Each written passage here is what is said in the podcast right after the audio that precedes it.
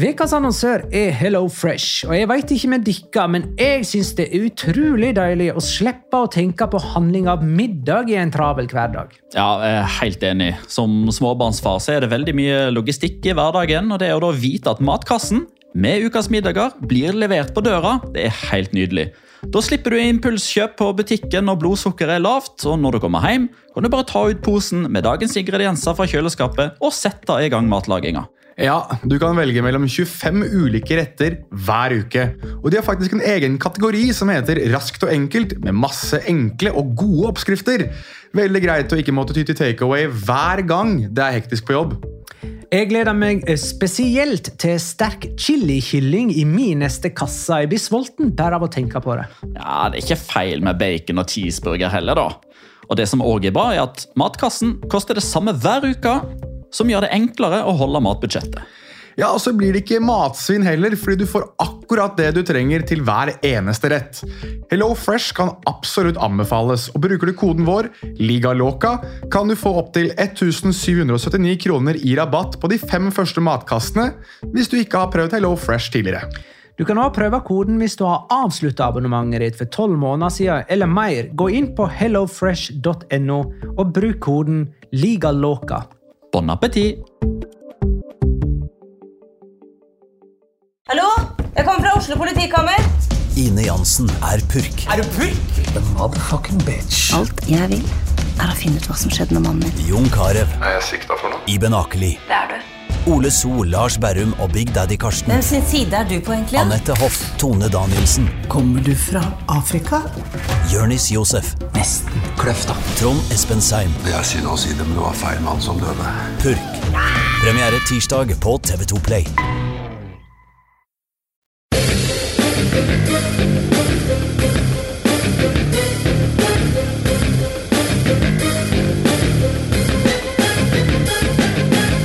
Har sett? Siden vår forrige ordinære episode har Girona både tatt over og gitt fra seg tabelledelse i La Liga. Ulempa med å innta tabelltopp i en midtvekerunde er at helga kommer så innmari brått på, og der står Real Madrid på motsatt banehalvdel, liksom. La liga loca. En litt gærnere fotball. Ja, ja, ja. Dette er La Liga Låka, episode 264 av det ordinære slaget med Petter Veland, hei. Hallo, hallo, hallo. hallo. Jonas Giæver, hei. Thunderdome of Shalom. Og Magnar Kvalvik, hei. Hallo, Magnar. Heia. ja. Var det noe videodømmingsskandale i La Liga denne helga? Nei.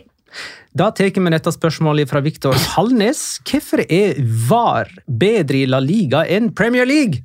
Eh, hva gjør spanjolene bedre? De er vant med at det går til helvete. Uh, på en, en eller annen måte. På spansk så kalles det polemica, eller morbo, hver eneste gang. Ja, ja. Men med, altså Grunnen til at uh, spanske dommere ikke har sendt ut en hel bråte med unnskyldninger til, til klubber og spillere, det er vel ikke at de er så sjølhøytidelige at de bare ikke sender ut unnskyldninger. Det er vel heller det at de ikke har gjort sånne grove feil. I, i alle fall ikke så store, som f.eks. i Liverpool, Tottenham eller motsatt. Det er vel egentlig ganske greit oppsummert, ja. Eh, de har ikke vært så store ennå. Kan vi si at videodømming har fungert i Spania, eller? Ja, det har i alle fall funger, fungert bedre enn i England eh, og i Norge. Det har det. Men i startfasen der også så husker jeg at det var fryktelig mye stillbilder som skulle brukes, og veldig mye sånn uh, Hvor er linja? I La Liga? Mm, helt i starten så var det det. Ja, jeg mener å huske det sånn at det fungerte knirkefritt i begynnelsen. Eller altså knirkefritt i- Ingenting er, fungerer til perfeksjon, men fungerte bra i begynnelsen. Men så ble man mer pedantiske Ja. eh, i sesong to eller et eller annet. Og det mener jeg hadde med, med, med nye regelendringer og sånt å gjøre. Spesielt at- med hens. Ja, for det at uh, dette her IFAB-systemet har på en måte fucka opp med å prøve å tilpasse regler av videodømming, ikke motsatt. Mm. Jeg tror at det er En av de store utfordringene man har med, med videodømming, og som jeg, al altså jeg aldri helt forstått hvorfor ikke, man bare ikke har gjort det, er å prøve å gjøre det så humant som overhodet mulig. Altså Man snakker om human error og Um, alle disse tingene med at clear and obvious og alle de begrepene går også igjen i Spania for, for øvrig. Altså, bare legg ut alle lydklippene. Så Gary Neville satt, var jo i Sky Sport og sa at eh, kommentatorene får høre det. Og de får jo se hva som er bedømningen. Så hvorfor får ikke folk lov til å gjøre det samme? Det gjelder i Spania, England, Tyskland og alle andre ligaer som benytter seg av VAR. La nå folk få lov til å se hva som gjøres riktig eller feil. da. Så skjønner man kanskje litt mer av hva, hva det er som egentlig skjer når dommerne må ta de avgjørelsene. Mener jeg. Jeg prøver liksom bare å komme på sånne her grove sånn, skal, Dysfunksjonelle feil, da. Som i Spania. Ja, de, de, de det har vært, da for er- eksempel, altså, i, I England så har det jo skjedd dette med der uh, Ørjan Horsholm Nyland var involvert. Var det for Aston Villa? Ja, goal line technology. Ja, det, Da fungerte ikke det. Nei. En ball var inne, men dommerne fikk ikke med seg Eller teknologien fikk ikke det med seg. Eh, Her eh, Tottenham-Liverpool så er det en offside som ikke er offside. Heldigvis i Spania så er det forskjellen er at når ballen er over streken, men når Nyland står i mål, så vet de at den er over streken hver eneste gang. Nei, men Du har et poeng, Magnar. Et veldig godt poeng. Jeg bare sitter og venter på den der eh, skandalen der i, i Spania. Da. Jeg Ja, bare, men den, den, den er jo nesten sånn altså Det er jo umulig at den ikke kommer når det spilles så mange kamper i løpet av en sesong og man etter hvert begynner å få så mange år med. Fordi det er jo til syvende og sist mennesker som sitter og tar disse avgjørelsene òg, fram til man finner ut at det er kost-nytte å innføre i Spania sin del, og goal line technology, selv om Nyland Aston Villa-eksempelet viser at det ikke er 100% og semiautomatisk offside, som ville ha avverga den Darren England-fadesen i Tottenham-Liverpool. Men altså VAR har blitt nye ulv. Altså, Det går ikke annet å mene noe om det uten å bli satt i en bås og få et bestempel på seg. Men eh, hvordan er det med den der eh, halvautomatiserte offsiden i Spania? Hvorfor er ikke det? Nei, det er et kostnadsspørsmål. Foreløpig Ja, okay. er det vel bare Uefa og Fifa som har tatt den. Ja, for eh, I England så mener jeg at eh, laget stemte imot det i sommer. Mens i Spania så er det kostnad. Ja, men det er jo to sider av samme sak, da, fordi altså, Premier League eh, det er jo òg et kostnadsspørsmål der. Ja. Men de har jo så mye penger. Jo, jo, men det ville de ikke hatt hvis de skulle brukt penger på absolutt alt mulig. sant? Greit! Nei, men det var smalltalken i dag. Jeg Tenk at den også var fotballrelatert. Skulle tro vi var fotballinteresserte, vet. Så med mindre det var noe eh, småsnakk ikke hadde på hjertet, så går vi videre nå til ram, eh, ramp. Rampe, kamp og kamp. Eh, ja. eh, Kunde åtte ramp for ramp, blir det sånn? Er jeg på Ikea nå, eller? Runde åtte, kamp for kamp. Barcelona, Sevilla 1-0. Sergio Ramos matchvinner med sjølmål, til fordel altså for Barcelona. Eh, Getafe Villarreal 0-0. Det er andre gangen på rad at Getafe spiller 11 mot 10 i en drøy omgang uten å vinne. Alex Baena ble utvist for Villarreal i det 23. minuttet. Jeg vet at du ikke skal tilbake til den her, eh, men det, jeg må bare få sagt det, og loggført, at hvordan i alle verdens dager klarer Alex Baena å bli utvist, mens eh, Damian Suárez regelrett ser ut som Ray Mysterio i glansdagene sine i WWE. Det er fordi Damian Suárez han kan dette, Ja, er men det kan ikke Alex Baena. Nei. Når Alex Baena ah, okay. er sint, så veit hele verden at han er sint, og han gjør ingenting for å prøve å skjule det. Men nå han, snakker de ikke om situasjoner som ikke nødvendigvis folk har sett. Så det som skjer med Alex Baena, er at han blir revet ned av en Getafe-spiller. Stefan Mitrovic. Eh, Og i fallet så langer da Baena ut en albue i ansiktet Ja. på Mitrovic, Ja. og det får han rødt kort for. I eh, tidligere sekvens så har Damian Suárez og Alfonso Pedraza hatt tidenes teiteste slåsskamp i 16-meteren til Villarreal, Villarreal eh, som Damian Suárez ikke blir utvist for. Men det er fordi at det er bare en, en teit slåsskamp. Det det er ingen som langer ut en albue der. Nei, men altså det, det som er forskjellen da, altså Hvis Damian Suárez hadde vært i den situasjonen der Alex Beina ble utvist Forskjellen her er at Alex Beina han strammer ansiktet, så strammer knyttneven og så gjør han sånn! Mens Damian Suárez hadde gjort sånn Åh! Det funker veldig bra på lydpodkast. Lyd, Ja, lydpodcast. det, det Petter nå gjorde, var å svinge albuen, og så begynte han å klø seg i armhula, som om det var derfor han svinga albuen. Så, så, det, altså Damian Suárez han kamuflerer sine bevegelser. Vet du hva, Det er så bra å ha noen som jobber med sånn lydtolkning og tolkning. av- Synstolkning Synstolkning heter det. Beklager. Faktisk. Veldig Ja, bra. Jeg, jeg jobber til daglig med å beskrive visuelle element. Tenkte mer på content jeg nå, vet du, Jonas. Ja, sant nok. Uh, greit, nå er vi ferdig med Getafe vil- vil Det er vi. Ja, okay. Rayo Vallecano Mallorca 2-2.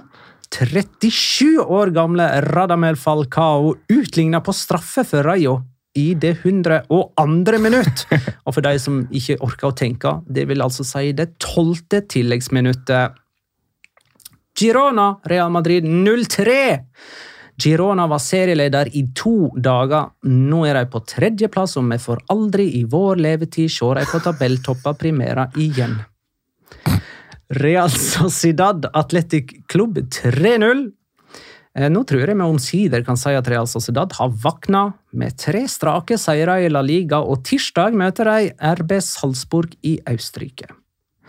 Almeria Granada 3-3.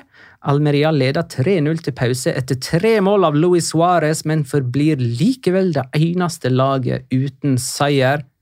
Alaves Osasona 0-2. Det andre Baskar-derbyet. Eh, Dette var Osasona sin første seier siden de slo Valencia i slutten av august. Alaves har ikke vunnet siden de slo Valencia i starten av september. De rykker ned. Atletico Cádiz 3-2. Cádiz leder 2-0 på eh, Metropolitano, men argentinerne Korea og Molina snudde oppgjøret. Og Real Betis Valencia 3-0.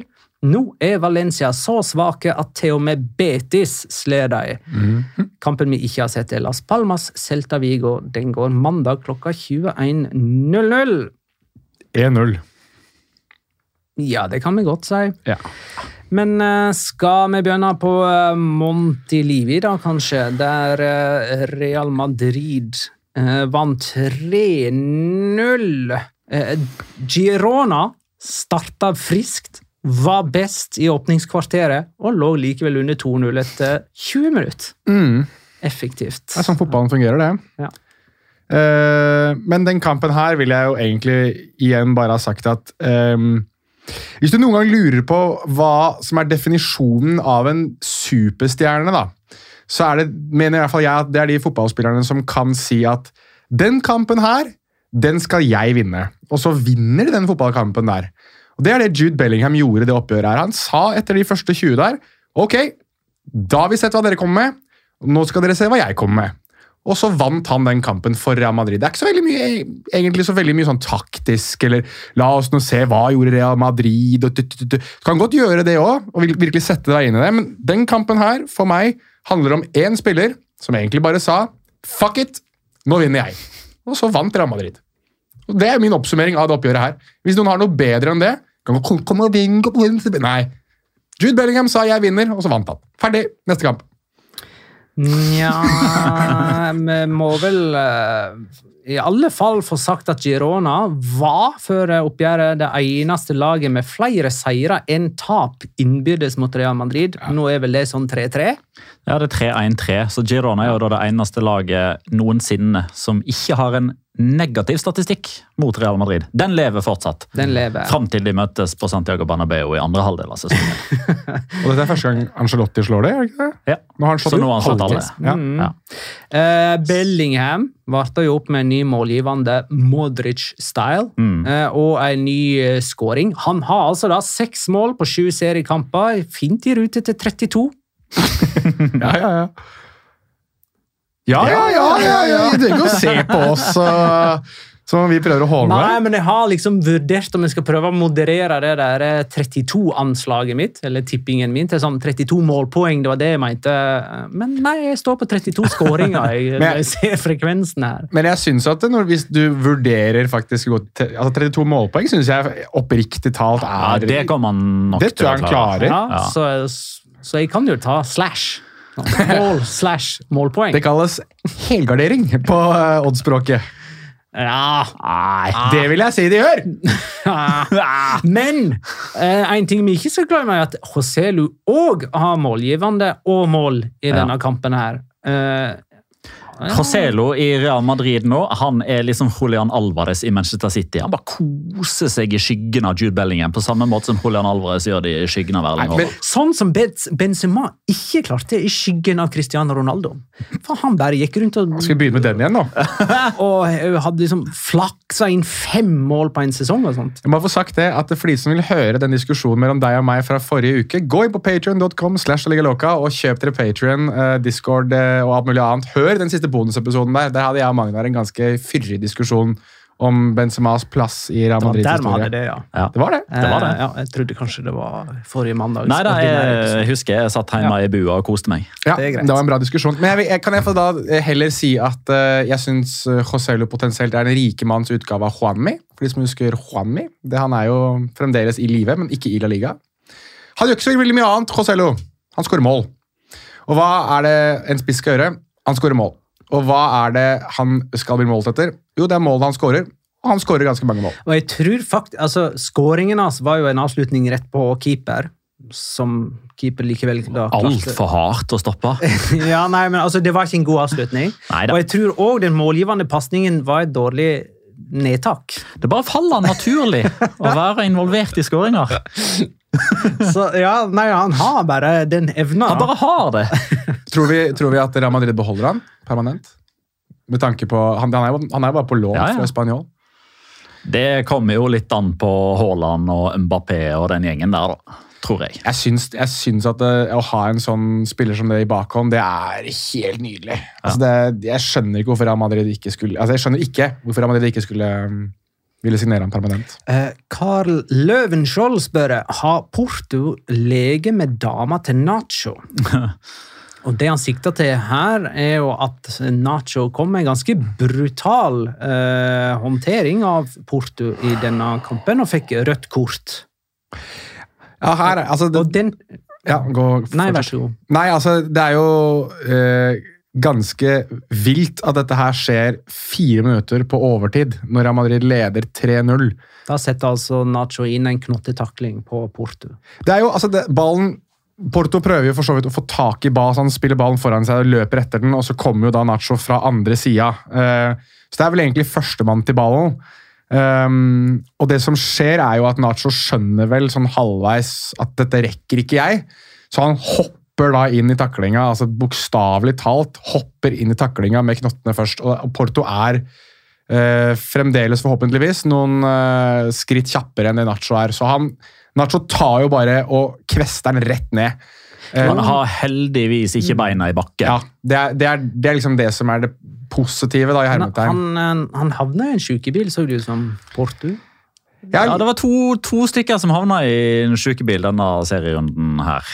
Uh, og jeg, jeg, har ikke, igjen, jeg har ikke helt klart å bli enig med meg sjøl, men altså, i og med at det der altså, det, det var så mye styr rundt hele greia. Altså, for det første, Polido Santana. Han ja, altså, Vi må Dommer, ta det dommer, først. dommer Han deler jo ut gult kort når han ser dette her live. Han blir jo heldigvis redda av en videodommer som sitter og ser de samme bildene, som også tenker at nå må du vandre ut, eh, og så må du se på skjermen i ett sekund, og så må du bytte farge. Du må for øvrig, før du fortsetter, så han har god utsikt. Han er ikke langt Han- unna, altså. Ja, men eh, jeg, jeg så den diskusjonen og den konklusjonen i discorden. Han, ha- eh, han har godt innsyn i form av at det er ingenting som, som står i veien, men han står 25 meter unna. Men det som er viktigst, er jo at han har jo Nacho mellom altså, Hadde han stått på andre sida, da hadde han hatt fritt innsyn. Men han ser jo ikke treffpunktet fordi kroppen til Nacho står i veien. hvis du skjønner. Ja, det er det eneste bitte, men altså, Alle andre på stadion skjønte jo at dette her er rødt kort med en gang. Han trengte litt hjelp, liksom at noen trenger hjelp til å åpne ei bildør iblant. Eh, men i hele det føsset der så blir det jo òg krangling fordi det blir meldt litt, sannsynligvis, fra Nacho, som kanskje er borte og ber om unnskyldning. Ifølge Jan Coto på Instagram så var det langt ifra det han gjorde. I hvis man ser på reaksjonen til Christian Stuani, så var det nok heller ikke en unnskyldning som ble levert. Derav kom jo teorien om at her må det ha vært noe uoppgjort fra noe tidligere oppgjør. eller Kanskje som spørsmålsstilleren starter. Kanskje har det vært noe utenomsportslig som har skjedd. Hva vet vi? Men uansett, det, det, det, det blir så mye føss der. Jeg, jeg, har en litt sånn, det er en ganske syltynn teori, og det er egentlig en litt sånn stygg teori. Men jeg, jeg har en liten teori om at Porto han, han, er nok ikke så skada som Girona vil ha det til. Um, så han det, faka seg inn i en sykebil? Nei, jeg tror ikke nødvendigvis han faker seg inn i en sykebil, men jeg tror kanskje noen i det medisinske apparatet tenkte at dette her må vi liksom, vi, vi må fortsette å holde alvorlighetsgraden oppe i dette her. fordi nå har, for nå har Port, uh, Girona kommet med en sånn offentlig skal si, skad, legerapport på to mann. Det er Porto og en mann som gikk skada av banen tidligere i kampen, Viktor Sihankov. Sihankov, Der er det veldig lett å forholde seg til det, som står der, for der står en ganske velkjent diagnose og ute i ca. en måned. Mens Porto, sånn som jeg leser det, og nå skal jeg være veldig ydmyk. Det er antageligvis noe latinsk blanda inn med noe katalansk, oversatt til spansk og igjen oversatt til engelsk slash norsk på et legespråk. Men sånn som jeg tolker det så, det, dette, dette, dette her er den kroppslige gastroenteritis. Altså, det, det, snakkes om et ødem, altså et sår eller et typ bløt hevelse. og, eh, og eh, typ flerr i huden er det jeg får ut av det. Men han kan jo faktisk ha et skikkelig sår. Det, det kan godt hende. Og det kan godt hende at jeg blir sittende igjen som en stor idiot hvis det viser seg at nå Porto ikke spiller mer fotball før i november. Men konteksten her, og det som vi også skal huske, at Angel Correa i Madrid-derbyet han ble kvesta ganske hardt, han òg, av Jude Bellingham, som fikk gult kort. Masse sånn bråk i etterkant. Fikk bare det gule kortet. Noen mente at det skulle være rødt. Ja. Da kom også Atletico Madrid med en skaderapport som sa at, han, uh, at noe av det uh, Angel Correa hadde skada, var leddbåndet i kneet. Og folk bare ah, Fuerza, Correa, Animo, Angel og ute i lang tid. var tilbake nå til helga og skåra to mål. Så litt sånn i forlengelsen av det så mistenker jeg kanskje gjør Girona et litt for stort poeng ut av dette. Så du tror både at Girona og Getafe har blitt veldig abonnenter på WWE Network den siste tida her, da, med at de driver og faker skader og gjør ting der inne der? Altså, K-Fabe. La meg få korrigere meg sjøl hvis det er inntrykket folk sitter igjen med. da. Jeg tror Porto fikk vondt. Det er en livs, karriere, potensielt karrieretruende takling, men jeg tror han slapp billig unna. World Wrestling La Liga. Ehm, det ble jo rødt kort på Nacho. Hvor mange kamper og karantene får han da? Det blir én. Ja. Eh, kanskje to. Ja, men, ta, men for å gå videre, Magnar, Kan ikke du ta det veldig kjapt? For det er mange som ikke helt vet det. At det er jo forskjell på direkte rødt kort i Spania og England, og for så vidt i Norge også. Ja, altså I England så er det vel sånn at du får uh, ikke nødvendigvis automatisk, men som oftest tre kampers karantene. For direkte rødt kort. For direkte rødt kort. I Spania så får du automatisk én, og så legges det eventuelt på straff i bakkant. Og da eh, må altså Real Madrid klare seg uten Nacho, uten Alaba og Militao, vel? Eh, I eh, møte ja, med Osasona på lørdag. Ja, vet vi at Alaba er ute? Nei, nei. Kan hende han er tilbake igjen. Nei, Jørn Henland eh, spør i alle fall om Kamavinga blir midtstopper i neste runde, mens Ørjan lurer på om Kamavinga er Real Madrids beste venstreback. Faen så god han er. Er ikke han bra? Ja. Han er bra, han. Ja, det er ikke Men midtstopper Nei. Nei. Jo da, fikser det òg. Ja, han fikser det sikkert, men eh, Nei, jeg tror de hasta Alaba tilbake. Chamini fikk den første skåringen her, da. Det er jo litt kult. Chouamini skåra, det gjorde han. Det var på tide, ifølge seg sjøl. Ja. Og Real Madrid møter jo Napoli i eh, Napoli tirsdag. Napoli-tirsdag? Er det mm. Bare sånn at det er sagt. Er det en greie? Napoli-tirsdag? Da er det organisert kriminalitet og fritert pizza? Det er mulig. Eh, det er på tirsdag at de møter Nei, sorry, dette er Norge, ikke Sverige. Unnskyld. ja, eh, vi går videre til Montjuic. Eh, det er Barcelona. Var det noen som så Savinho, forresten? Nei, dette her var første kampen. Han var god i 15 minutter. For det er Michel han Jeg vil ikke si at han sagde Savinho, men her var det litt sånn ah, Her var det en ung brasilianer som har blitt fortalt at han er litt bedre enn hva han er. Det var vel basically det han sa etter kampen. God i 15 minutter. Ja. Barcelona slo altså Sevilla med 1-0 etter at Sergio Ramos skåra sjølmål på Ørjan Hårskjold Nyland. Skal vi bare begynne der? Eh, Spille eh, Nyland Nå har jo Nyland stått tre seriekamper på rad for Sevilla. Ja. Det ser ut som førstekeeper for meg. Ja. Eh, betyr det at han starta da mot PSV tirsdag i en meningsløs Champions League-kamp? For Sevilla er jo allerede ute. Ja, det slo vi fast fordi de ikke slo Lons. Eh, Ja, nei, jeg tror, jeg tror både N-en og S-en er stum. Så det er, Så det er bare long. Lons. Sånn, på en måte? Ja. Ja. Ja, ok. Vi Har du har, har du drevet med duolingo nå? Nei, På eh, ja, kona mi har gjort eh, duolingo, Ja. eh, så hun kan fransk litt mer enn meg. Torrin. Åh.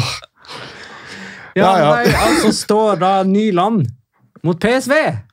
Jeg går for nei, jeg. Og jeg går for nei fordi det jeg tror kanskje utvikler seg, blir det at de har en cupkeeper og en ligakeeper. Eh, så jeg tipper, jeg tipper at eh, Det var min, det var jo min teori. Ja. Og at derfor skulle Nyland stå og kjempe og si bare nei, det skal han ikke. Nei, men jeg tror Dimitrovic står uh, Jeg tror han står Champions League og potensielt i cup. Uh, og så tror jeg Nyland for liga. I hvert fall sånn som det har blitt nå. da. Jeg tror det står noe, i alle fall. Ja, fordi vi sa vel det sist ordinære episode, vel? At dette her var liksom Står Nyland på Montreak mot Barcelona? Ja, Det sa vi i Patrion-episoden. Ja, det gjorde vi. Og da, da er det på en måte nesten sementert. Da At det, da er det Nyland som er i hvert fall ligakeeper og førstekeeper i ligaen. Og i den kampen her så gjør han seg ikke bort heller. Det er jo et veldig uheldig selvmål for alle involverte, egentlig, som gjør at uh, han ikke holder nullen. Ja, og Litt moropoeng av Anders M. Berg. Nyland har ikke blitt skåra på av motstandere i åpent spill i sine tre kamper. Det er helt riktig. Det er litt gøy. Det er jo det. Det er litt funny. For uh, skakkjørte Sevilla, liksom. Ja, akterutseilte, ferdigspilte Sevilla. Ja, og Altså Det er ikke det best forsvarende laget. Det er jo ikke sånn at han står bakerst i et sånt der, eller bak et solid forsvar som eh, bare Uh, ja, mur uten hull, liksom. Nei, det, altså det, det er jo litt sånn som du er inne Vi har vært litt inne på det før. da, i Litt sånn rare sammensetninger av forsvarseliter her, holdt jeg på å si. Uh, og du har liksom den fireren bak for, for Sevilla her. Det er Juanlo, som vi ikke visste noen ting om vel før sesongen starta. Det er Loic Badet, som eh, hadde på en måte den rikmannsutgaven av seg selv på motstanderlaget her i Jules Condé. Det er Adria Pedrosa, som var veldig lovende i tiden. Spilte Segunda i fjor med Español, og nå plutselig skal være førstevalg på venstrebekken for eh, Stakkars Sevilla. Espanjol. Så sendte du de ned et år for tidlig. Ja, det Ja, sorry, beklager. Ja, ok, Han var med å rykke ned, da, med Español. Vær så Men spilte nesten ingenting fordi han var skada. Ja, og nå skal han være tydeligvis veldig viktig for Sevilla. Og så har du Sergio Ramos, som bare er der, eh, og er eh, ok. Og så har du Ørjan Nyland, da. Endre Tengren skriver er det litt poetisk at Ramos skåra for Barcelona på assist fra det nye arvesølvet deres. Altså Lamin Jamal. Ja. Det, det var jo noen fine bilder som eh, kom ut på, på dette velkjente internettet før kampen. Fra en kamp i 2016, var det det? Da en ni år gammel eh, Lamin Jamal leide, eller gikk ved siden av Sergio Ramos ut som eh, ballgutt slash maskot eller noe sånt i El Clásico for mange år siden.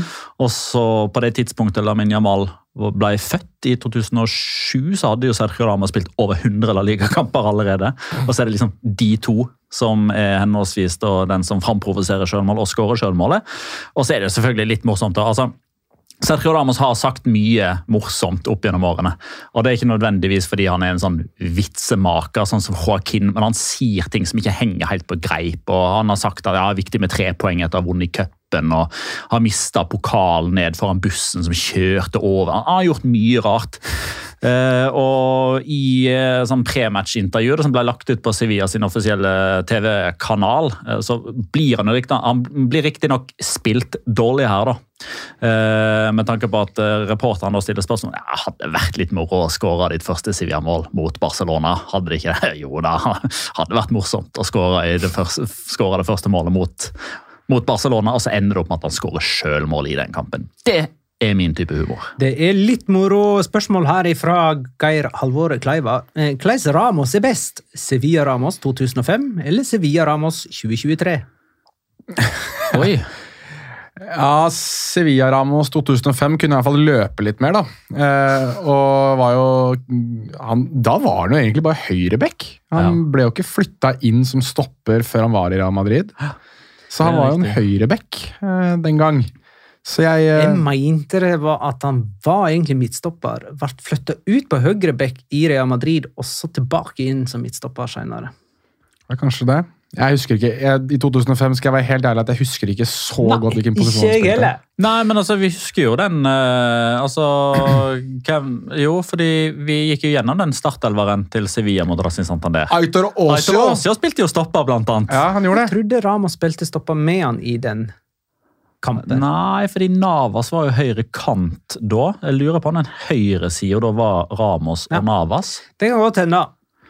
44 kamper på rad nå da, for Sevilla borte mot uh, Atletico, Real Madrid og Barcelona uten å vinne.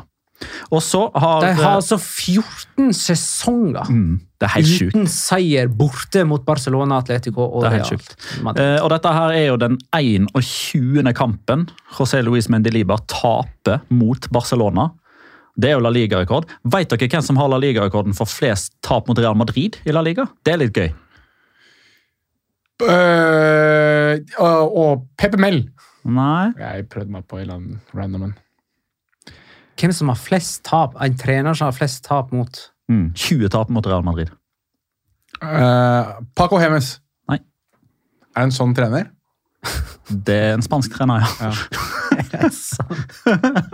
Jo, men det er ikke men Ernesto Valverde, Ono Emery altså sånne ting. Er det, er det liksom Nei. elitetrener, eller er det en som er litt lenger ned på lista? Marcelino. Uh, han har nylig vunnet et europeisk trofé. Han har nylig vunnet et europeisk trofé. Mm.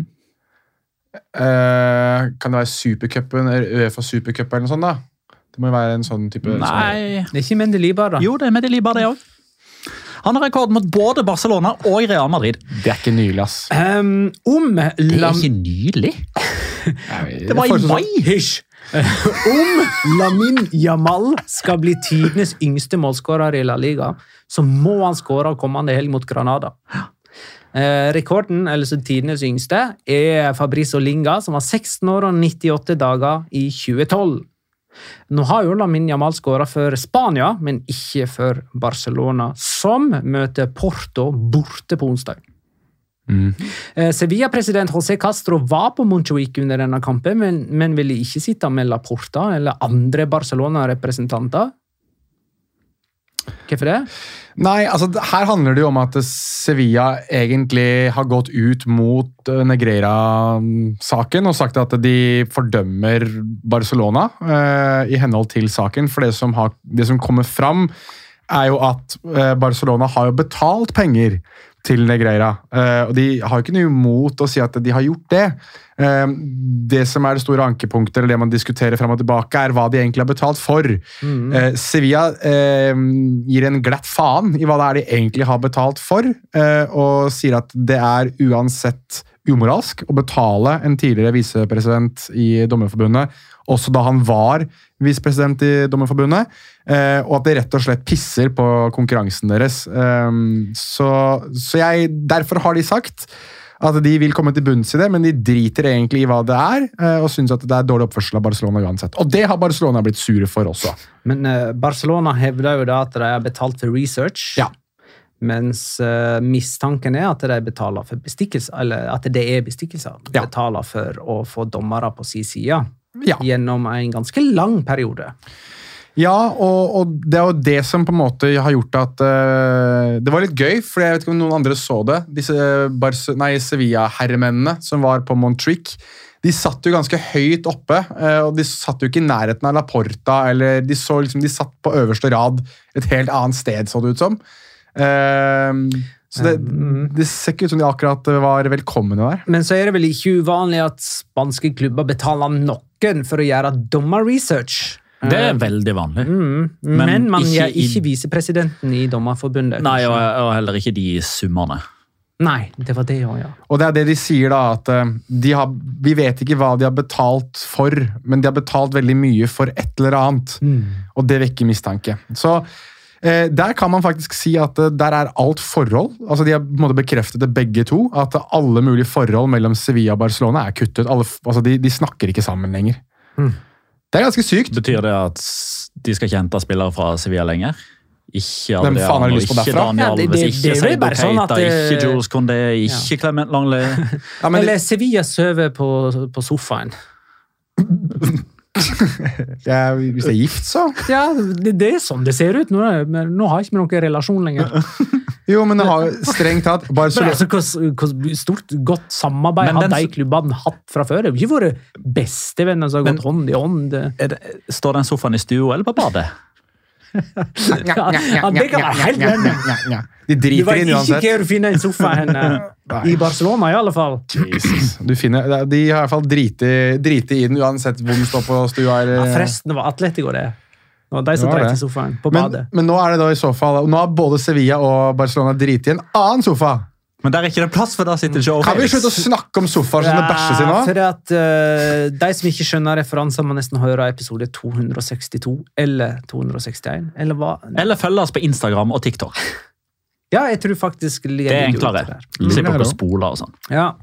ja, men jeg tror vi skal hoppe videre. Jeg har litt lyst til å nevne at under Xavi så har Barcelona eh, spilt hva blir det, 17 kamper da, mot eh, de andre fem store, altså Sevilla, Atletico, Real Madrid, Atletic Club, eh, Valencia. Og de har ett tap på de 17 kampene. Det ene tapet kom mot Real Madrid. De har tre seire av tre mot Atletico, for eksempel. Big match Shawi. Big eh, game, Shawi. Storkamp, Xavi. Vi skal gå videre til Baskar Derby, det egentlige og ordentlige eh, Baskar Derby, der Real Sociedad slo Atletic 3-0 på Anoeta. Det er jo alltid noen morobilder av bortefans som har det gemyttlig og fint sammen med heimefans eh, for, i disse oppgjørene her. For det, det er liksom en sånn vennlig derby, dette. Eh, og de er veldig stolte av det, begge klubbene. Men lørdagens bilde tok vel alle kake. Eh, Det var moro, det. der eh, der Real eh, Sociedad-fansen har denne greia med at de feirer med ryggen mot, eh, mot banen. Poznan kalles det. Ja. Eh, som jeg tror klan og sånt i Norge har gjort for flere år siden. Ja. en gang i tiden, liksom. Og det er mulig de gjør det fortsatt, for alt jeg ikke Er det analtoget du tenker på? Analtoget tenker du på. Det er kanskje noe annet, ja. Ja, for da, da kan de jo fortsatt liksom ha øynene til venstre eller høyre, avhengig av Ja, hva vei ja. analtoget går, og fortsatt se kamp. Der hopper de liksom bare etter Altså, de, hverandre. de, de, synger, altså? de synger Ja. 'hei hå, hei hå, vi kjører anal nå', er det de synger. Det er ikke tull. Helt sant. Men, Jo, poeng- men jeg, jeg mener, jeg har bare sett den feiringen før, Ja. men da i sånne grupper. Ikke sant? sånn supportergruppe. Men på meg- så er det liksom hele stadion. Hvis du gir meg 15 sekunder, skal jeg forklare hvor det kommer fra. Det kalles Poznan fordi Manchester City spilte borte mot Lech Poznan i Europa League for ganske mange år siden. Lech Poznan feiret på den måten. Det gjorde at Manchester City tok det med seg tilbake igjen til Manchester. Begynte å feire på den måten, de også. Siden har det blitt omtalt som The Poznan. Og veldig mange har kopiert da Lech Poznan slash Manchester City i etterkant, annet Real Sociedad. Men det er få plasser man ser hele stadion gjøre det så unisont. eller? De er Altså, mye flinkere. Er flinkest. De er flinkest, ja. De gjør det best. Og der står det da én Atletic-spiller med armene i kors, eh, med ansiktet mot banen. En supporter, da. Ja. Eh, En supporter, selvfølgelig.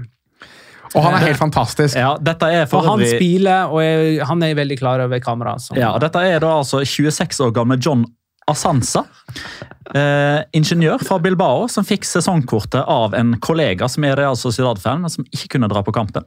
For her har selvfølgelig spansk media gjort Ja. sin research Ja, ja, og intervjua han i alle bauger og kanter. Er han 26 år gammel? 26 år Han må være verdens eldste 26-åring. 26 år Han ser ut som han kunne vært 46. Han, han som gammel ut. Altså. Han så ut som meg med hår og noen år. år. Ja, Mest sannsynlig. Når jeg har vært i Tyrkia. Nei, men eh, skal vi Altså, for en tid tilbake så snakka vi om hvor sterk Kubo eh, har vært. Eller Kubo. Litt usikker. Skal vi legge oss på Kubo? Kubo. Ja, jeg tror det er det, altså. Kubo. Ok. Eh, Men nå er det jo flere Real Sociedad som står fram, Mm. i større grad. Og Breis, nå leverer Breis Mendes og Jarzabal Sabal kommer innpå her. og Nå jeg, jeg gleder meg til eh, 2024 og våren. fordi da får jeg svar på om eh, teorien min holder. For jeg begynner å lure på om Bryce Mendes er dette tiårets Cesc Fabregas. I form av dritgod på høsten, ræva på våren. Det var han i fjor, Ja. eller forrige sesong. Og nå er han like god på høsten som han var da, så får vi se. Men, men du kan ikke Uten sammenligning for øvrig. Jeg håper du skal innom altså, denne sinnssyke maskevarianten til Robin Lenormand. Hadde egentlig ikke tenkt det, altså. Det er jo bare ansikts... Ja, han har en skade i ansiktet. Jo, men han har liksom Han har maske i ansiktet, men det er liksom ikke i ansiktet. Det er liksom Nei, det er vel kjeve eller noe Hvilket uh, bein er det som på en måte holder kjeven fast i? Kinnbeinet? Ja. Ja, Jeg vet ikke hva det er slags Nei, han ser ut som Gambit fra X-Men. Altså, poenget er jo at uh, det er ikke en naseskade, ikke sant? Nei. og når du har disse, nase, eller disse maskene som skal verne opp nesen, så er det jo på en måte masker som, som bare har en åpning for øyet. Ja, det er det? Victor Men- Ossimen har spilt med, for eksempel. Mm. Eh, Men eh, bare for at det blir riktig, Jonny Normann Olsen på Twitter var han som foreslo at, det var, at han ser mest ut som Gambit fra X-Men. Jeg er helt enig. Jonny Lenormann Olsen. Jonny Normann Olsen. Veldig bra. har ikke eh, kjennskap til X-Men-universet, så dette, vet, dette er bare Nei, det, Stoler på deg. det er egentlig bare å søke Gambit X-Men, og så får Ja, du bilde av ja. Normann. Ja. Hadde ikke tenkt å snakke om eh, det der. Jo, eh, altså, og da mista jeg litt tråden. Men men eh, nå, er, nå er jeg tilbake. Denne gangen så vi faktisk André Silva. Ja. Han kom inn. Og han ble ikke skada. Hvor pen var han da, sånn fra 1 til 10? Hvor pen han var? Eh, hvor legger vi Alexander Sørloth på denne? S- Nei, eh, jeg tror vi skal eh, Jeg, jeg gir André Silva en uh, åtter. Ja, det er Sørloth syv, da. Og en Ja, halv, okay. kanskje. Ja, det er greit. Uh, og han kom vel òg inn for han andre spissen som pleier å være skada, nemlig Omar Sadiq. Så nå begynner disse her skada spissene til Real Sociedad å spille. Og så møter de altså Red Bull uh, Salzburg. Nå sa jeg Red Bull, jeg hadde tenkt å ikke gjøre det. Men bare RB. Men i alle fall. Tirsdag klokka 18.45. Tidlig kamp. Verdt å få med seg. Eh, RB Salzburg slo Benfica i første kamp, mens Real Sociedad spilte uavgjort mot Inter. FC Salzburg kalles de faktisk i UEFA-sammenheng. De må bytte navn til eh, Ah. Faktisk. Så der har dere Kan bare si Salzburg, egentlig. mm. De får ikke lov, faktisk, de må til og med bytte logoen sin. Visste du det? De har en logo for eh, europafotball og en logo for eh, østerriksk fotball. Eh, jeg har sett det, men ikke tenkt over det. Nei, det er rett og slett Mm, Godt fordi du kan ikke ha sponsornavn. Um, En artig ting, da, hvis du vil du som, Nå har, du fått, har ikke du fått en drøy helg nå på å spille EAFC 24? Eh, jo. Um, da har du kanskje sett den feiringa som Kobo varta opp med, da? Den, han varta jo opp med å late som han hadde vondt Late som han får strekk. Ja, Og så kjørte han en liten twerk.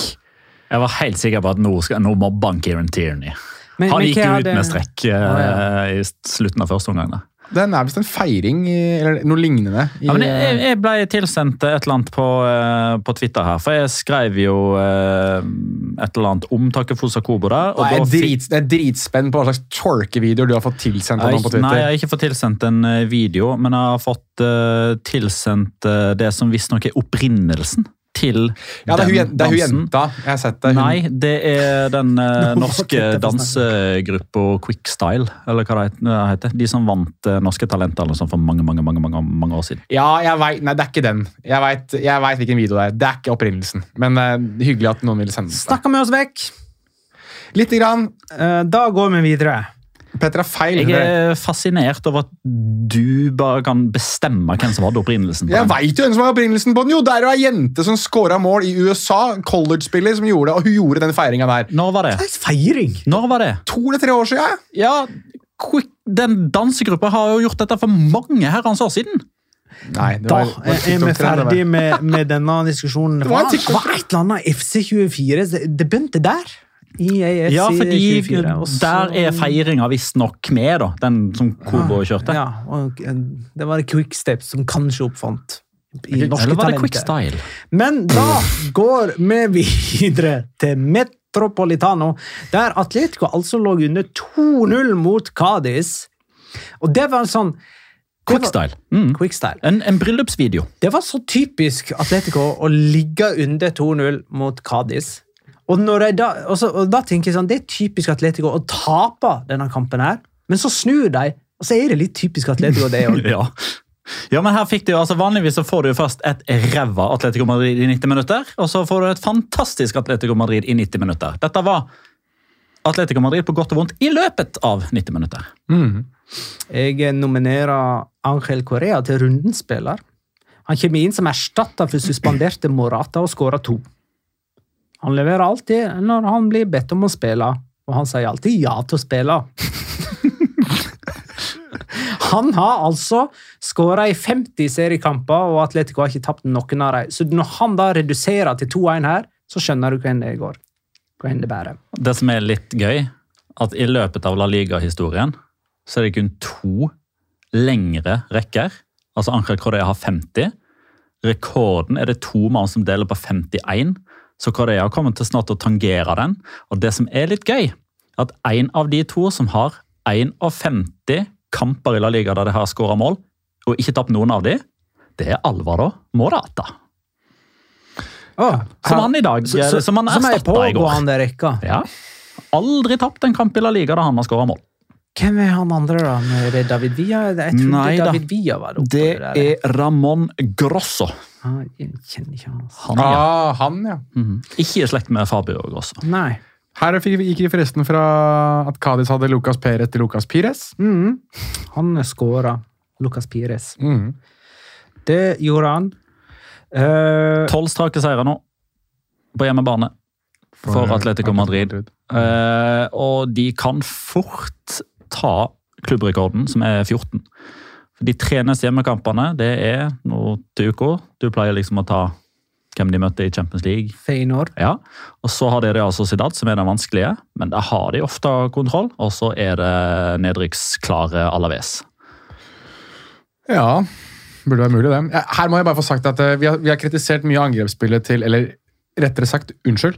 Jeg har kritisert mye angrepsspillet til Atletico Madrid de siste par sesongene. Dette var en av de der kampene der de ble påminnet at jøss, hm, kan faktisk spille litt angrep på de, hvis de har lyst. Et par av de angrepene de hadde her, var mm, Ja. Yep. Eh, var Saul involvert i et par av de Ja, det var han. eh, orgasmiske angrepene? Han har nemlig fem målgivende på fem, de siste fem seriekampene. Går Eh, under radaren. han. Hæ? Han går litt under radaren. Ja, han hadde fire målgivende på de foregående 156. Snakk om å booste tallene sine. Ja, og han toppa jo målgivende statistikken da i La Liga akkurat nå. Det er imponerende. Det hadde jeg ikke trodd han kom til å gjøre. Jeg hadde vel strengt ikke trodd han kom til å spille så mye for Atletico Madrid denne sesongen. Der. Men da, Jan, han... Jan Oblak spilte sin 400. kamp for Atletico Madrid, og, en ting som er litt alarmerende, selv om det fortsatt er bra, er jo antall baklengs per 100. kamp. Ja. Fordi i løpet av de første 100 kampene som Jan Oblak sto for Atletico Madrid, så slapp de inn 63. De neste 100 så slapp han inn 67. De neste 100 slapp han inn 79. Og på de 100 siste så har han sluppet inn 99. Fortsatt et baklengssnitt som er under én blank, riktignok så vidt. Men alle keepere som har et baklengssnitt på under én blank, det er kjempebra. Så han er fortsatt kjempebra, men nå er han bare kjempebra. Han er ikke sånn sykt god som f.eks. da han i løpet av 2016-2017-sesongen på 51 kamper slapp inn 26 mål. Eh, Molina skåra utligningsmålet her for Atletico Madrid. Han har seks skåringer i 2023 og er mestskårende forsvarer i La Liga gjennom kalenderåret. Det hadde vært litt morsomt hvis Korea Correa og Molina, som er de to argentinske målskårerne, hadde en ferieleilighet i Torre Molina. Hvorfor det? Petter prøvde seg på en vits som ikke funka så veldig. Correa Molina. Torre Molina. Altså, Kan vi klippe vekk det? Jeg bare har sagt det, at jeg har mange dårlige vitser. Skal denne her skal jeg legge ut på Instagram. Denne var bedre i mitt hode før jeg, jeg presenterte Nei, den. vet du hva? Jeg, jeg er helt enig. Den, Denne, Dette her er klipp, Magnar. Dette er klipp. Ja. Nå skal du hånes for den dritten du kommer med! Dette er et Dette er- eksempel. dette er jeg, har prøvd, content. eh, jeg har prøvd å si det i, i i blir det sånn seks år. Ja, vi, At vi øver. skal ikke teste ut humor under opptak. Ja, det er det som blir best, vet du. Sånn, Nei! Det er du vitterlig et bevis på. Correa Molina, Torre Molino. Kødder du, eller? Vi går videre til Benito Villamarin, der Real Betis slo Valencia med 3-0. Valencia har én seier nå på sine siste seks seriekamper, og det var 3-0-seieren mot Atletico. Det gir jo veldig mening. Eh, nå skal vi se. Valencia har færre poeng etter åtte serierunder i år enn i fjor under Gattuso. og det er jo veldig interessant uh, tatt i betraktning den locoraen din for et par runder siden. Ja, men med hvor mange Hvor mange prosent av poengene de hadde tatt. Ja, altså, men er det et lag som er høyt og lavt, så er det Valencia. Altså. Det, det er rimelig imponerende at de, at de klarer liksom å gå fra det at eh, alle er sånn Ja, dette her blir en kjempesesong! Nå overbeviser de overraskelseslaget Valencia! Så er det én person, og det er meg, som sier at de rykker ned. Og jeg er fast i troa. De rykker ned, og det er på grunn av Nå har, nå har det gått så mye luft ut av den ballongen. Og nå, I tillegg fikk de Diakabi skada den kampen her, da. Og det er faktisk eh, Han har fått veldig mye pepper. Han faka ikke skade, for å si det sånn. nei, han, han faka ikke Han gikk så Den langt, den strekken var så jævlig høyt opp at han fikk faktisk rumpestrekk. Ja, men han, han måtte jo bæres ned trappene, han, på Benito Villamarin. Ja, han fikk en så kraftig strekk at han spratt til værs. Det var som om han uh, hoppa på ei trampoline. Han så i som en trestegatlet. Ja, det var Altså, han kan gjøre så mye klønete, inkludert det å bli skada, liksom. Ja, men han eh, Jeg fikk nesten så jeg fikk strekk av å se på han. Jeg har hatt mine problemer med hamstringer, jeg, men, men han har vært viktig for Valencia så langt denne sesongen, og det er igjen et slag i trynet for Valencia, som har en del skader, og som strengt tatt ikke har noe annet å, å kaste innpå. Um, men i den kampen her så syns jeg ikke at det er Valencia man burde snakke så mye om, men heller eh, at jeg tror vi kanskje ser eh, starten på en ganske stor karriere da, i Asan Diao. Han var 18 år og 21 dager da han skåra sitt første mål for Betis, og 18 år og 24 dager da han skåra sitt andre. Eh, og Og- du har akkurat den samme alderen på hans første kamp og hans andre kamp. Og sjøl her klarer Mista Chip å finne en som har gjort noe enda sjukere enda tidligere. For i 1933, folkens! I 1933, 17 år og 152 dager gammel, var Pablo Pombo da han skåra i sine to første La Liga-kamper for Racing Santander. Husker du han, eller? Pablo Pombo. Fytti rakkeren. Spiller. Kult navn. Ja, Kult navn. det kan 90 år siden, det. Men Asan Diao, da. Altså, for de som ikke kjenner til han så godt og Jeg skal være helt ærlig at jeg kjenner ikke til han sånn fryktelig godt, jeg heller. Men, men storvokst 18-åring, holdt jeg på å si. Altså Storvokst, god til å bruke kroppen sin. Gud og god han er til å skjerme ball og forstå når han skal sette fart og når han skal holde igjen.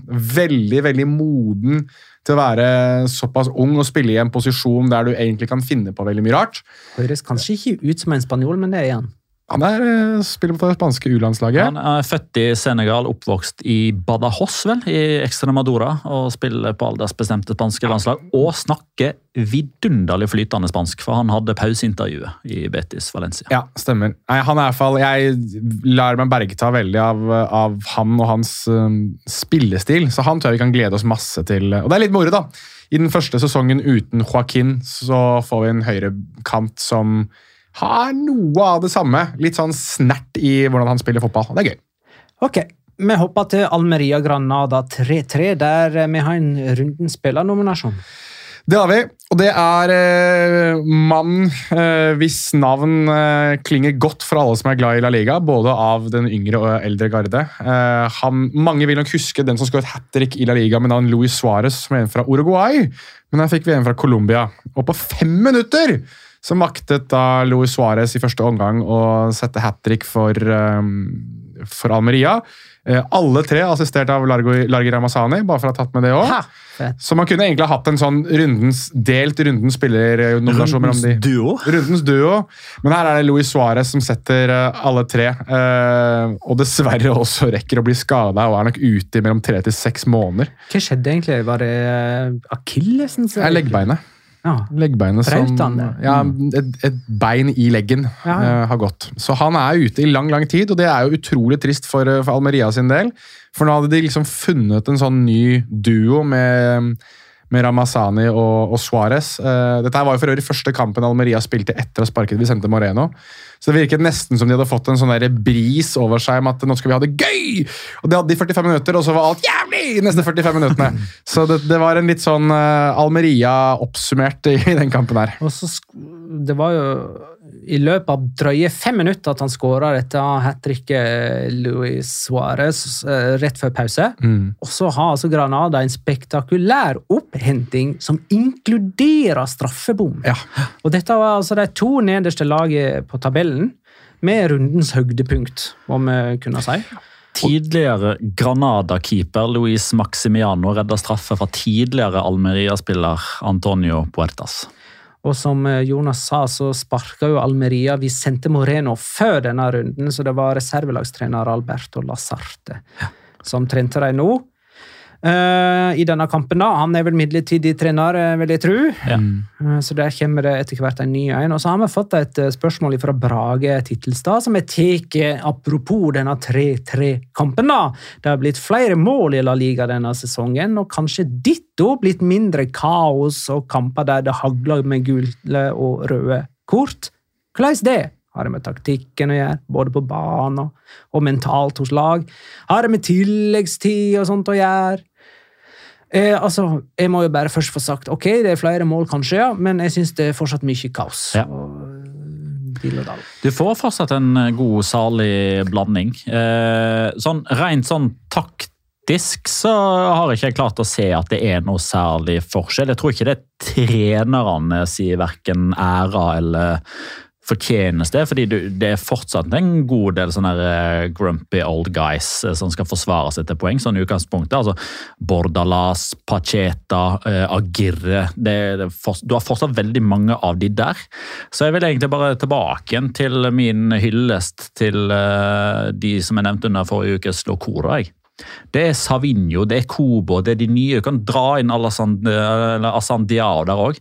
Altså, Omsider så har man fått disse der forskjellsspillerne. da som tør å dra av. Som i stedet for å høre f.eks. på eh, Diego Simione som står og Nei, nei, nei, ro ned, ikke ta den kontringen. Så bare Jo, den kontringa skal vi ta. Dette angrepet skal vi fullføre. Her skal vi ha det gøy. Ja, jeg kommer med en liten brannfakkel, ja, da, potensielt. Og det er det, det er ikke noen gode forsvarsspillere igjen i La Liga. Nei, altså det er ingen Det er ingen kjempegode forsvarsspillere igjen. og når du da, du har, Vi har nevnt disse keeperne ved flere anledninger. Ter Stegen reddet Barcelona flere ganger forrige sesong. Nå er det litt mindre av det. Litt også fordi Barcelona faktisk spiller angrepsfotball som er gøy å se på. Det er én. Courtois er ute med skade for, for Real Madrid, så der kommer de nok til å slippe inn naturlig flere mål. Du var akkurat inne på Oblak nylig. Altså Atletico Madrid var en av de fanebærerne for godt forsvarsspill i mange mange år, men de slipper jo inn over en lav sko. Og det er, altså Sevilla var vi inne på, forsvarsrekka deres. Den har aldri sett dårligere ut enn det den gjør nå, så der er du topp fire. da. Sånn, Ja, ja, det hadde ei tid med Stankevisius. Ok, greit. Eh, greit. Jeg, jeg tror kanskje jeg har sett det hakket verre. En av de dårligere, da, kan vi kanskje si. Men, men for å kaste en brannfakkel tilbake igjen, da. Ja. For det er én ting er at antall mål har gått opp, men det som er en enda større forskjell på, er expected goals. Den er enda høyere. Ja, ja, ja. Men, hvordan, men, du, men expected goals kommer jo som følge av at du spiller etter store målsjanser, og det har jo noe å gjøre med at Forsvaret er dårlig. Jo, men bare du, i og med at du begynte å nevne opp keeperne. Altså Keeperne hadde, ja, keeperne hadde ikke en høy altså keeperne, altså Alle keeperne hadde en høyere redning, har en høyere redningsprosent denne sesongen enn forrige. Ja, greit. Vi kan eh, snakke litt om Rayo Vallecano Mallorca, som Veldig- altså endte 2-2. Veldig kjapt, vi, vi ble rana bare sånn kjapt, vi ble rana for en tidenes remontada da Alvaro Fernandes banka ballen i stolpen helt på overtid. Så de kunne ha vunnet 4-3 her? De kunne ha vunnet 4-3, og Granada de var bare uheldige. Ja, eh, I Rayo eh, Mallorca så leda Mallorca 2-1 eh, på overtid. Og så ble det en straffesituasjon som dommer måtte ta og sjekke på skjermen ved sida. Og her fikk du jo det som du svarte til Brage Titlestad. Her fikk du fire mål i en i utgangspunktet litt sånn traust kamp, og masse kaos. Ja. Uh, og så får altså på overtid Rayo Vallecano denne straffen, og så bommer Falcao på den. Men da er det en Mallorca-spiller som har sneket seg innenfor 16 Nei, det er meter. Rajkovic som er for tidlig ute fra strekket. Var det det? Ja. Er det det det blir dømt for? Altså, det er Du kunne ha tatt begge deler, Ja. for Valjent er det vel som er Ja. for tidlig inne. Ok, så han får ta det på nytt. Mm. Fortsatt langt, eller enda lenger ut i overtiden enn Ja. nå. Og i det tolvte tilleggsminuttet så uh, skårer altså Falcao da på den straffen. Og så har du, uh, Petter, valgt å nominere en spiller til rundens spiller. Ja, og det er Oskar Trejo, som hadde fint lite å si i denne kampen her. Så dette her er en av disse... Akkurat det denne nominasjonen Jo, men altså, det, det er er her jeg altså. velger liksom å trekke fram ting. da. Fordi eh, Oskar Trejo han meddelte på Instagram i går at han har sagt fra seg vervet som Rayo-kaptein. Han vil ikke lenger bære kapteinspinnet for en klubb som behandler sine ansatte og sine supportere på den måten som de gjør. Og det er et eh, statement og en holdning som jeg hyller. Derfor er han for meg rundens spiller. skjønner du. Det er jo selvfølgelig Luis Suárez, men Det hallo. er Luis Suárez som blir rundens spiller. Vi gratulerer og ønsker lykke til. Bare kjapt. Uh, Alvaro Garcia skåra her i det fjerde minutt. Uh, Radamel Falcao skåra i det hva blir det for noe? 112. minutt. holdt jeg på å si. Er 102. 102. minutt. Er det lengst mellom to skåringer i nei, år? fordi I jeg år? nei, ja, i, ja, denne sesongen, ja. Ja. Men jeg mener La Liga-rekorden er fra den samme kampen som har den seneste Ja, det er Chetafe mot uh, Cádiz. Cádiz, ja. Mm. Jeg bare lurer på om det var i år. Ja. Da er det på tide med Locora! Ukens La Liga Locura. Locura. Locura. Locura. La Liga Locura. Ja Jeg kan begynne jeg, for å få unnagjort min. Min er ikke, er ikke Almeria-relatert. Jeg har Almeria-relatert? Jeg òg. Jeg har en eh, Flat. Jeg har en Real Madrid-relatert. og jeg syns det er litt gøy, bare sånn for å eh, være continuity manager Jonas Giæver. Eh, husker dere at vi snakket for eh, ja, Når blir det? Det må ha vært i fjor på et eller annet tidspunkt. Vi hadde jo da om eh, Peremia, som snakket om at han, eh, han hadde ikke skåret på en stund. Og derfor så var det plutselig, da han hadde skåret, så var det litt grann som en ketsjupflaske. Altså, han snakket om ketsjup-effekten. Eh, Den fikk vi faktisk igjen nå, eh, men jeg er litt sånn usikker på om eh, Aurelien Chouameni egentlig skjønner begrepet ketchup-effekt. Fordi han hadde lagt ut på sin Instagram-konto at I've heard that goals are like ketchup. Så med mindre han scorer masse nå framover, så har ikke han skjønt hva det begrepet egentlig betyr. Eh, og det gøye med det er jo at eh, faktisk jeg fant ut hvem som brakte begrepet ketchup-effekten, eller like ketchup, til La Liga. Det var vår venn Ruud van Nistelrooy, som i sin tid uttalte at goals are like ketchup. Så jeg gjetter på at van Nistelrooy da scora sikkert eh, to eller tre på veldig kort tid. Chouameni har da ikke helt skjønt det begrepet, og dermed så syns jeg det er fryktelig fryktelig gøy. Målet er som ketsjup. Kjempegodt på pølse. Pølse, har du ikke hørt om pølse og mål? Uh, nei, men skal, Hvis vi skal gå inn på Almeria Locoras, da, uh, så kan jeg eh, ta denne. Uh, som jeg fikk fra Pedrito Numeros. Eller fant han i alle fall derifra. Eh, Almeria er jo i bare sin åttende primære sesong. Jeg vet ikke om det er litt vanskelig Det er litt sånn lett å glemme. Føler de har vært der uh, mer, men altså Ja, altså Dere argu- argumenterte jo for at de skulle inn topp 20 på Ja, ikke maratontabellen. sant? Eh, De er i sin åttende sesong, og Alberto Lassarte, som altså styrte dem i denne runden, er deres 13. trener i Primera. Så de har altså hatt flere trenere i Primera-sesonger enn antall Primera-sesonger. Så i snitt så får Almeria sine trenere 21 Primera-kamper. Ja, Det er ganske sykt. er faktisk. sykt. Husker dere hvem den første var? Eh, Unai Emery. Ja. Bra. Det var ikke så- Petter på grunn altså, bare Eh, er Ellers kan jeg ta en litt sånn navlebeskuende lokora, og og det er jo at eh, altså mm, du, du bør ikke heie på lag jeg heier på, for å si det sånn. Eh, Sogndal i Norge.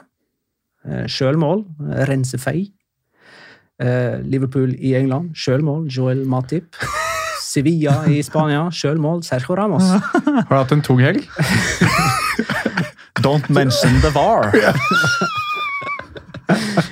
Eh, men som et, som et plaster på såret, da, så Sogndal vant noen tross alt i Grimstad. da. På tross av det sjølmålet. Ja. Så, men eh, de to andre gjorde ikke det. Yes, uh, Petter. Ja, to favorittlag. jeg. Vi har Real bort mot Retafe 0-0. Lyn bort mot Ørn Horten 0-0. Eh, Vi skal ha litt hat trick-moro. For dæven for et eh, rekordras, eller hvor mye moro som kom ut av det hat tricket til eh, Luis Suárez. Hold dere fast. Det er kun det andre hat tricket i Almeria sin La Liga-historie etter Lazaro Vinicius. De fire som skåra hat trick før pause i La Liga, før Luis Suárez, det er Lionel Messi, Jeremy Pino og to ganger Karim Benzema. Det raskeste hat tricket i La Liga-historien er Kevin Gameira med 4 minutter og 44 sekunder. David Villa med 4 minutter og 47 sekunder, og nå altså Luis Suárez 5 minutter og 23 sekunder. Det ble skåra fem hat trick mot gamleklubben i La Liga på 2000-tallet. For vi må jo huske at Luis Suárez han slo gjennom i Granada. Julio Alvarez, Roberto Soldado, Iago Aspas og Carlos Bacca, de to siste, mot Sevilla. Alberto Lazarte er den første treneren som overværer et hat trick i sin La Liga-debut siden Javier Calleja i 2017. Da skåra Cedric Bakambo hat trick for Villarreal mot Eibar. Luis Suárez er den første spilleren med hat trick i en kamp han ikke er med på å vinne, siden Choco Lozano i Villarreal Cádiz 3-3 i 2021. Og som du nevnte, Jonas, Largi Ramazani hadde assist på alle tre. Det er første gang i La Liga-historien at det er samme målskårer og pasningslegger i forbindelse med et hat trick. Og Luis Suárez er den første spilleren i La Liga-historien som skårer hat trick i første omgang, og faktisk til sykehus i ambulanse i andre omgang. Yes. Jeg føler, at, jeg føler at Petter egentlig burde ha hatt rundens spiller eh, Luis Suárez med alt det der. Den tok du. Ja, ja. Noe, noe som er så langt ute i episoden og har liksom eh, en god ting igjen. Ja. Så vi, må lære oss å tease Spørre-Petter tidligere Ja, i episoden. Nå er det tid for Spørre-Petter. Pregunta-Petter, Spørre-Petter, intrikat, vrient, vanskelighetsgrad, kjempelett, gruble, nei forresten, tenke lenge, statistikk, historie, fundere, nyttige fakta, pass, unyttige fakta. Spørre-Petter. Atletico Madrid har nå sluppet inn 500 mål i løpet av Diego Simione-æraen, som teller 635 kamper. Mm. Elleve mann har stått i mål når disse 500 målene har gått forbi eller blitt sluppet inn. Jeg vil ha navnet på de elleve. Sju av de skal dere ta. Den ene tror jeg en av dere klarer. På to av de så tror jeg dere sitter Og tar dere den ellevte, så blir jeg sjokkert i positiv forstand. Kjør. Skal vi ta de enkleste først, da, kanskje? Altså, jeg tenker Oblak. Mm. 308. Ja. Courtois. 100. De Gea. Oi, er han feil? Eh, hvor mange feil har vi lov eh, til å ta her nå? Stemmer nå tre av fire. De Gea forsvant i 2011, vel. Så han har aldri spilt under Simione. Jeg mener Wow. Asenjo skal eh, inn, da. Det er riktig. Ja, jeg tror jeg også. Men eh, også Grbic. Det er riktig. Eh, Asenjo, Asenjo 8, Ivo Grbic 14. Nå diskuterer vi. Eh, Jeg tenker Miguel Angel Moya. Ja, han Må inn her? absolutt. 54. Så da har dere eh, topp fem. Um, Fytti rakkeren. Da fikk jeg sånn halvveis jernteppe. Dette er fem av de sju som dere skal ta. Mm. Leo Franco, det blir, jo, blir det for tidlig? Ja, ja, ja, ja. Nei. Nei, jeg, jeg, nå, nå diskuterer vi her. Ja, ja. Nei. Nei. Ikke Leo Franco. Ja, ja. søren. Eh, eh, 2011. ehm, Kan, kan jo faktisk ha vært hva med han derre åh, ehm, Han backup-keeperen som var bak i mange Altså Aransobia eller noe sånt? Det er riktig. Ja. Fire. Han er sistemann av de som dere skal ta. Altså, Ja, det han, er er, han er en vi skal ta. Ja. Ja, ja. Daniel Arsobia. Altså, han har jo enda flere La Liga-kamper enn Aitor Rossi. Jo, jo, men, selvfølgelig jo, jo, jo, men han. jeg husker han fra Atletic. Han har jo spilt for han, altså, ja. Ja, ja. Det er en annen her også, som er mer kjent for det han har gjort andre steder. Men altså, folk Kanskje ikke folk flest, men folk som har holdt på med podkast om svensk fotball i sju år, skal vite hvem vedkommende er. Men eh, altså Oblak har jo ikke altså Grbic har jo ikke vært reserven til Oblak i alle eh, Oblak-år. Nei, han har jo hatt altså, en det var annen jo. Moya i en periode, da, selvfølgelig. Mm. Dere kan få et bonuspoeng her, fordi det er en keeper som har vært reserven til uh, Jan Oblak. Hele tida. Altså, han har ikke stått en eneste kamp. Men ikke spilt, da. Ja. Og er det han eh, Nei, jeg holdt på å si kroaten, men det er vel Grbic, kanskje. Mm, Eh, han er kroat. Men He's a croat. hvorfor tenker jeg Adan? Fordi det er riktig. Ja. Antonio Adan. Det er, han, det er syvende Nå har dere de sju som er forventa at dere skulle ta. Ja, nå Så er det kan- nå, allerede nå så har dere fått godkjent. Nå er det kun bonus igjen. Ok. Da lurer jeg, jeg sitter Altså, kan Leo Franco være en av disse her, da? Ja, Da mener jeg at det hadde vært åtte vi skulle kunne. Men vi kan godt si Leo, godt det si Leo Franco. Leo Franco hadde vært en av de som dere burde Ja. ha tatt. Okay. Det, var, det er for tidlig, men han er landsmann med en av de fire som mangler. argentiner, da, basically. Mm. Basically. Som grunnleggende argentiner. grunnleggende så er han Bokstavelig argentiner. talt en argentiner. Ja. Så, sånn i teorien så er han fra Argentina. Eh, det er ikke Daniel Asman, for han var aldri der. Uh, men, det jo, men dette her må jo være en argentiner som de har hentet fra Argentina. Ja. Ikke en som har vært liksom Kan det ha vært Arsenal de Sarandi? Å, herregud. Det må jeg faktisk google her nå. Uh... Det var fra Atletico Rafaela. mm. Uh, han var tilknytta Atletico Madrid mellom 2016 og 2021. I løpet av den femårsperioden så var han leid ut til Boca Juniors, Huesca, Malaga og Atletico San Luis. Og han er nå eid av Elche.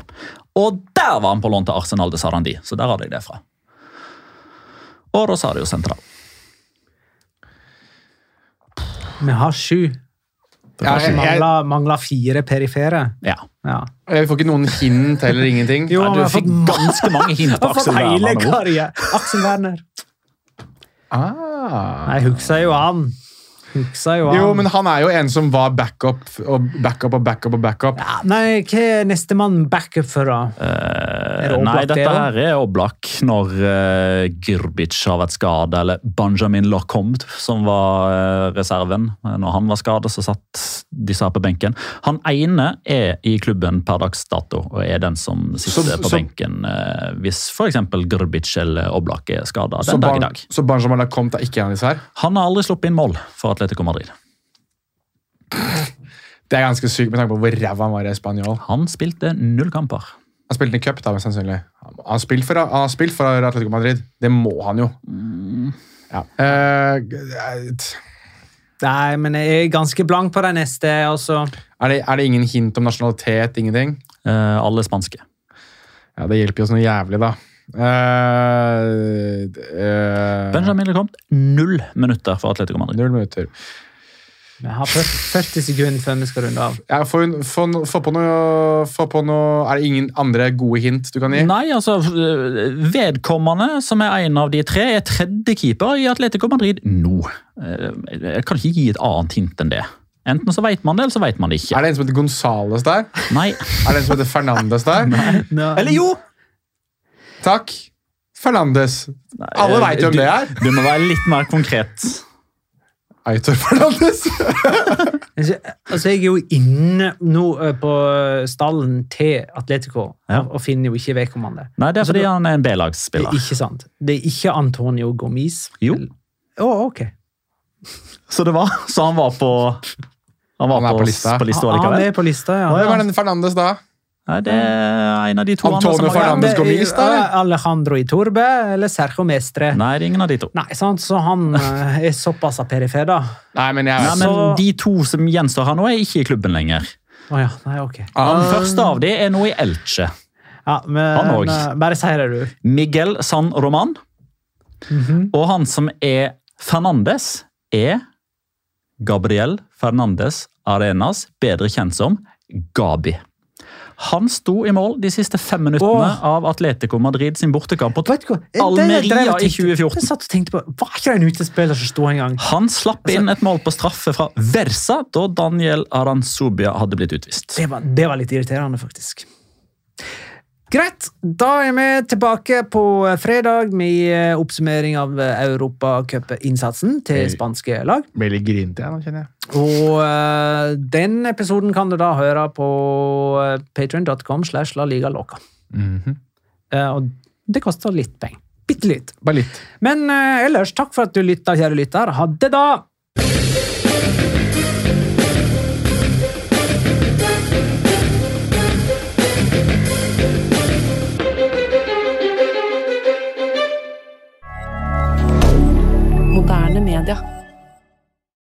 Har du et enkeltpersonforetak eller en liten bedrift? Da er du sikkert lei av å høre meg snakke om hvor enkelt det er med kvitteringer og bilag i fiken, så vi eh, gir oss her, vi.